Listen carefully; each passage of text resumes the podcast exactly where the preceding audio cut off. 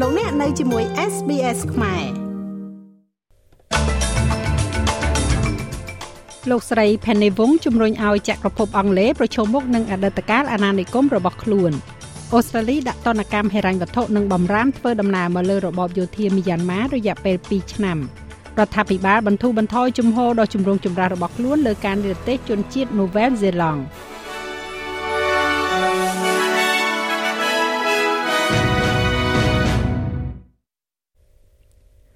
រដ្ឋមន្ត្រីការបរទេសអូស្ត្រាលីលោកស្រី Penny Wong បានជំរុញឲ្យចក្រភពអង់គ្លេសប្រឈមមុខទៅនឹងអតីតកាលអាណានិគមរបស់ខ្លួននៅក្នុងតំបន់ Indo-Pacific ខណៈដែលខ្លួនកំពុងស្វែងរកផលប្រយោជន៍នៅក្នុងតំបន់នេះ។ លោកស្រីវងដែលកំពុងតែបំពេញទស្សនកិច្ចនៅចក្រភពអង់គ្លេសជាលើកដំបូងក្នុងទូនាទីរបស់លោកស្រីនោះបានធ្វើការអត្ថាធិប្បាយនៅក្នុងសន្ទរកថាដ៏សំខាន់មួយនៅឯមហាវិទ្យាល័យ King's College ដោយនិយាយអំពីទំនាក់ទំនងរយៈពេល250ឆ្នាំរវាងប្រទេសទាំងពីរដែលចាំបាច់ត្រូវធ្វើទំនើបកម្មខណៈដែលអូស្ត្រាលីឥឡូវនេះបានមើលឃើញថាខ្លួនឯងជាផ្នែកមួយនៃតំបន់នេះ លោកស្រីបានរំលឹកដល់បទពិសោធន៍គ្រួសាររបស់លោកស្រីនៅក្នុងអាណានិគមនិយមអង់គ្លេសដើម្បីសង្កត់ធ្ងន់ទៅលើចំណុចរបស់លោកស្រី ហើយព្រមានថាសង្គ្រាមនៅឥណ្ឌូប៉ាស៊ីហ្វិកនឹងក្លាយជាគ្រោះមហន្តរាយ Many worked as domestic servants for British colonists មនុស្សជាច្រើនបានធ្វើការជាអ្នកបម្រើតាមផ្ទះសម្រាប់អាណានិគមនិយមអង់គ្លេសដូចជាជីដូនរបស់ខ្ញុំផ្ទាល់រឿងបែបនេះពេលខ្លះអាចមានអារម្មណ៍មិនស្រណុក សម្រាប់អ្នកដែលមានរឿងរ៉ាវបែបនេះនិងសម្រាប់អ្នកដែលបានស្ដាប់ឮប៉ុន្តែការយល់ពីអតីតកាលអាចឲ្យយើងចែករំលែកបច្ចុប្បន្ននិងអនាគតបានកាន់តែប្រសើរវាផ្ដល់ឲ្យយើងនៅឱកាសដើម្បីស្វែងរកមូលដ្ឋានរួមច្រើនជាងការដែលយើងស្នាក់នៅក្នុងទម្រង់តូចចង្អៀតនៃប្រវត្តិសាស្ត្ររបស់ប្រទេសយើង។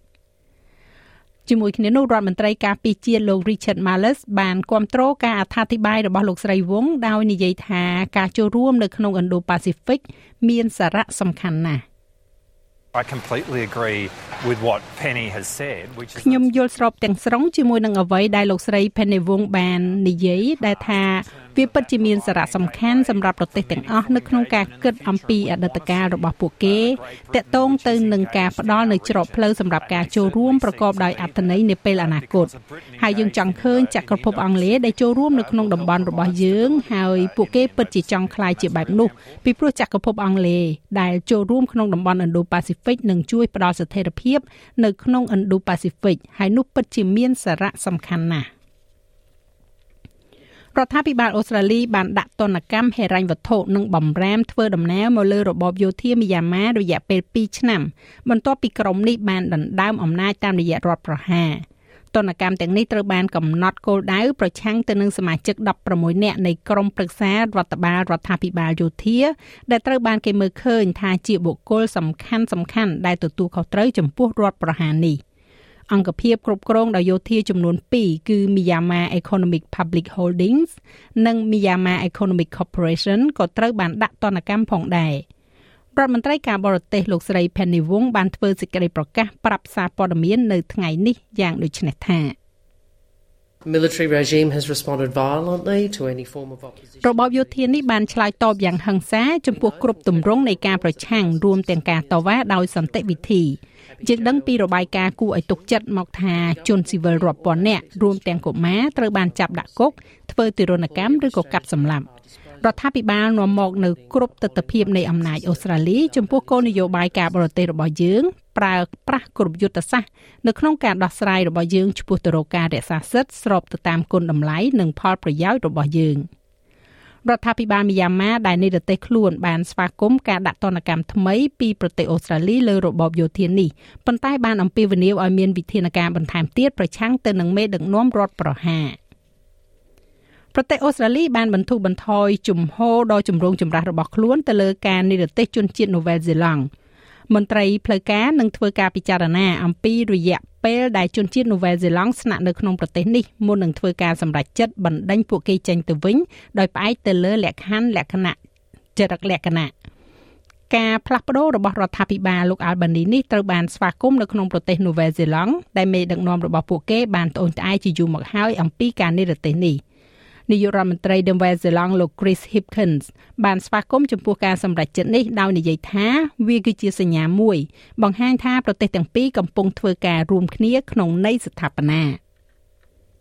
This is something that the New Zealand government has been um, working with នេះគឺជាអ្វីដែលរដ្ឋាភិបាលនូវែលសេឡង់បាននឹងកំពុងធ្វើការជាមួយប្រទេសអូស្ត្រាលីដើម្បីសម្រេចបាននូវសមិទ្ធផលមួយរយៈពេលនេះវាគឺជាជំហានដំបូងដែលទទួលការស្វាគមន៍យ៉ាងខ្លាំង មនុស្សមួយចំនួនដែលយើងកំពុងនិយាយអំពីពួកគេមានប្រវត្តិយូរអង្វែងនៅក្នុងប្រទេសអូស្ត្រាលីអ្នកខ្លះនៅទីនោះតាំងពីពួកគេនៅក្មេងៗហើយការបញ្ជូនពួកគេមកប្រទេសនូវែលសេឡង់វិញនៅពេលដែលពួកគេមិនមានទំនាក់ទំនងនៅទីនេះក្រៅពីជាប្រវត្តិសាស្ត្រមួយនោះមិនមែនជាការភ័យខ្លាចឬគ្រាន់តែជាលទ្ធផលនោះទេខ្ញុំគិតថាការទទួលស្គាល់បែបនោះដោយប្រជាជនអូស្ត្រាលីគឺទទួលស្វាគមន៍យ៉ាងខ្លាំង។ អតីតរដ្ឋមន្ត្រីគណៈបក Liberal លោក Alan Toy កំពុងតែប្រឈមមុខទៅនឹងការចោទសួរជុំវិញការជាប់ពាក់ព័ន្ធរបស់លោកក្នុងការត្រួតពិនិត្យគម្រោង Robodebt ដល់រាជគណៈកម្មការដែលពិនិត្យគម្រោងនេះ វាកាត់ឡើងបន្ទាប់ពីអតីតទីប្រឹក្សារបស់លោកគឺលោកស្រី Rachel Miller បានផ្ដល់សក្ខីកម្មនៅចំពោះមុខរាជគណៈកម្មការកាលពីថ្ងៃអង្គារម្សិលមិញដោយនិយាយថាលោកស្រីបានព្យាយាមបិទរឿងអាស្រូវរបស់គម្រោងនេះដោយដាក់រឿងនៅក្នុងប្រព័ន្ធផ្សព្វផ្សាយអំពីរបៀបដែលបកសម្ព័ន្ធកំពុងចាប់បាននៅការបោកប្រាស់លើប្រាក់សុខុមាលភាពសង្គម។ លោកថូចដែលជារដ្ឋមន្ត្រីសេវាកម្មមនុស្សនៅចន្លោះឆ្នាំ2016និង2017នឹងក្លាយជាអតីតរដ្ឋមន្ត្រីទី3ដែលត្រូវបានសាកសួរនៅក្នុងការស៊ើបអង្កេតលើកម្មវិធីស្ដារបំណុលរបស់ Centrelink នេះ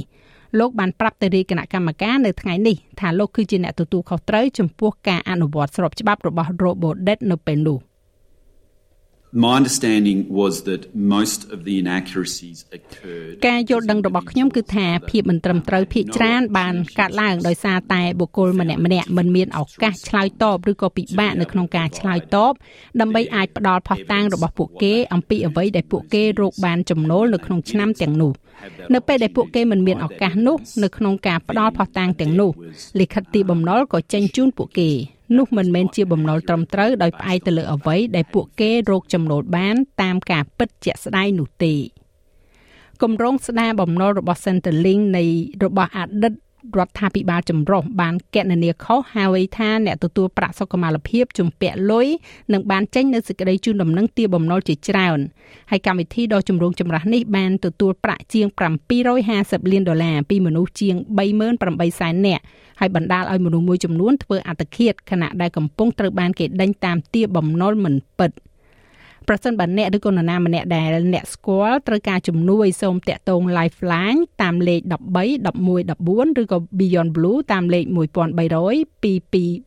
636ឬក៏ក្នុងករណីអាសន្នសូមទូរស័ព្ទទៅលេខ03ដងជនរងគ្រោះដែលរងរបួសដោយការបំផ្ទុះគ្រាប់បែកនៅខាងក្នុងវិហារអ៊ីស្លាមមួយនៅភូមិខាងជើងប្រទេសប៉ាគីស្ថានបានរំលឹកឡើងវិញនៅហេតុការណ៍នោះខណៈដែលចំនួនមនុស្សស្លាប់នៅតែបន្តកើនឡើង។ សាច់ញាតិដែលមានការព្រួយបារម្ភបានសម្រុកទៅមន្ទីរពេទ្យក្នុងទីក្រុង Peshawar ប្រទេសប៉ាគីស្ថានដើម្បីស្វែងរកមនុស្សជាទីស្រឡាញ់របស់ពួកគេបន្ទាប់ពីមានការផ្ទុះនៅក្នុងព្រះវិហារអ៊ីស្លាមដែលមានមនុស្សច្រើនកកកក្នុងតំបន់ដែលការពារបានយ៉ាងល្អនៅទីក្រុងនេះហេតុការណ៍នេះបានសម្លាប់មនុស្សយ៉ាងហោចណាស់100នាក់ដែលភ ieck ច្រើនជាមន្ត្រីប៉ូលីសនិង170នាក់រងរបួស។ ការវាយប្រហារមកលើមន្ត្រីប៉ូលីសនេះគឺជាការវាយប្រហារដ៏សាហាវបំផុតក្នុងរយៈពេលមួយទសវត្សរ៍ដែលបានវាយប្រហារទីក្រុងភៀកពីយប់ក្បែរព្រំដែនអាហ្វហ្គានីស្ថានហើយកើតឡើងចំពេលដែលមានការកើនឡើងនៃអំពើហិង្សាប្រឆាំងទៅនឹងប៉ូលីសក្រុមតាលីបង់ប៉ាគីស្ថាន ដែលត្រូវបានគេស្គាល់ថា TTP បានទទួលយកការទទួលខុសត្រូវចំពោះហេតុការណ៍បន្ទុះគ្រាប់បែកនេះលោក Abdul Rahman គឺជាជនរងគ្រោះម្នាក់នៅក្នុងហេតុការណ៍នោះបានរៀបរាប់យ៉ាងដូចនេះថា នៅពេលដែលយើងលើកដៃនិយាយអាឡាហ៊ូអាបាដើម្បីចាប់ផ្ដើមការអធិស្មាន ស្រាប់តែមានការផ្ទុះយ៉ាងខ្លាំងអណ្ដាតភ្លើងដ៏ធំមួយបានមកដល់មុខរបស់ខ្ញុំហើយវាបានច្រានខ្ញុំចេញខ្ញុំបានបាត់បង់ស្មារតីអស់រយៈពេល2-3នាទីខ្ញុំស្ថិតនៅក្នុងសាលអធិស្មានបន្ទាប់ពីខ្ញុំដឹងខ្លួនឡើងវិញ2-3នាទីក្រោយខ្ញុំបានឃើញខ្លួនឯងនៅក្រោមគំនរបាក់បែក ព្រះបានបើករុនមួយសម្រាប់ខ្ញុំដើម្បីចេញមកខ្ញុំបានឃើញមនុស្សនៅក្នុងស្ថានភាពដ៏អាក្រក់ដែលមានស្លាប់និងរបួសនៅពីមុខខ្ញុំនៅប្រទេសកម្ពុជាវិញលោករងឈុនអតីតប្រធានសមាគមគ្រូបង្រៀនកម្ពុជាឯករាជ្យនិងជាអតីតសមាជិកកោជបកាលពីម្សិលមិញនេះបានធ្វើសន្និសីទកាសែតព័ត៌មានមួយប្រកាសពីជំហររបស់លោកក្នុងការវិលត្រឡប់ចូលឆាកនយោបាយវិញ នៅក្នុងសន្និសីទកាសែតនោះលោកបានប្រកាសចូលរួមជាមួយនឹងគណៈបកភ្លើងទៀនដែលជាអតីតគណៈបកសំរងស៊ីគឺដើម្បីសម្រេចបំណងប្រាថ្នារបស់ប្រជាពលរដ្ឋដែលចង់បានសេរីភាពយុត្តិធម៌ការគោរពសិទ្ធិមនុស្សនិងលទ្ធិប្រជាធិបតេយ្យខ្ញុំគ្រាន់តែប្រើពាក្យថាខ្ញុំនឹងបិទទំព័រចាស់ហើយនឹងបើកទំព័រថ្មីនៅម៉ោងនេះអញ្ចឹងខ្ញុំនឹងសម្រេចចិត្តជប់ជាមួយគណៈបកភ្លឹងទៀន ចាស់លោកមេងផល្លានឹងជួនសេចក្តីរាយការណ៍លម្អិតនៅវគ្គក្រោយជាបន្តទៀតឬក៏លោកអ្នកអាចចូលស្ដាប់របាយការណ៍ពេញនៅលើគេហទំព័ររបស់យើងនោះគឺ sbs.com.au/ ខ្មែរ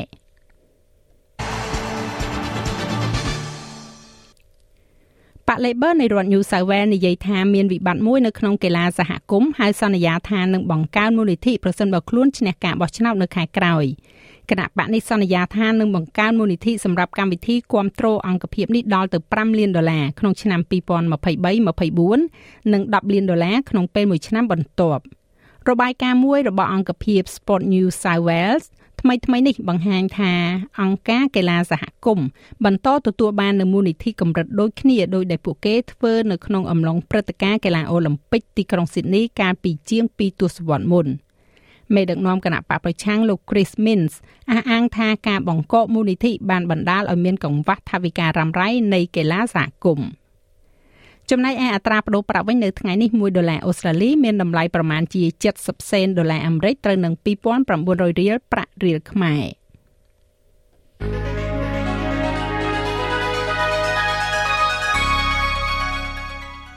ឥឡូវយើងក៏លេខមើលមើលការព្យាករណ៍អាកាសធាតុសម្រាប់ថ្ងៃ ប្រហ័សស្អែកនេះវិញ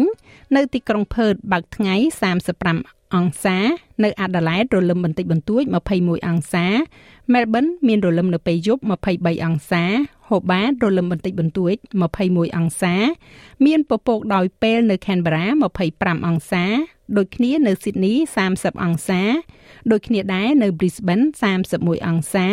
រ លឹមបន្តិចបន្តួចនៅ Cairns 34អង្សា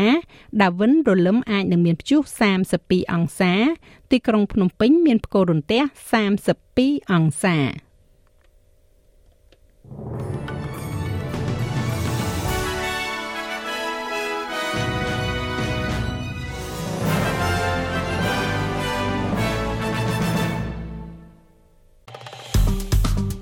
ចុច like share comment និង follow SPS ខ្មែរនៅលើ Facebook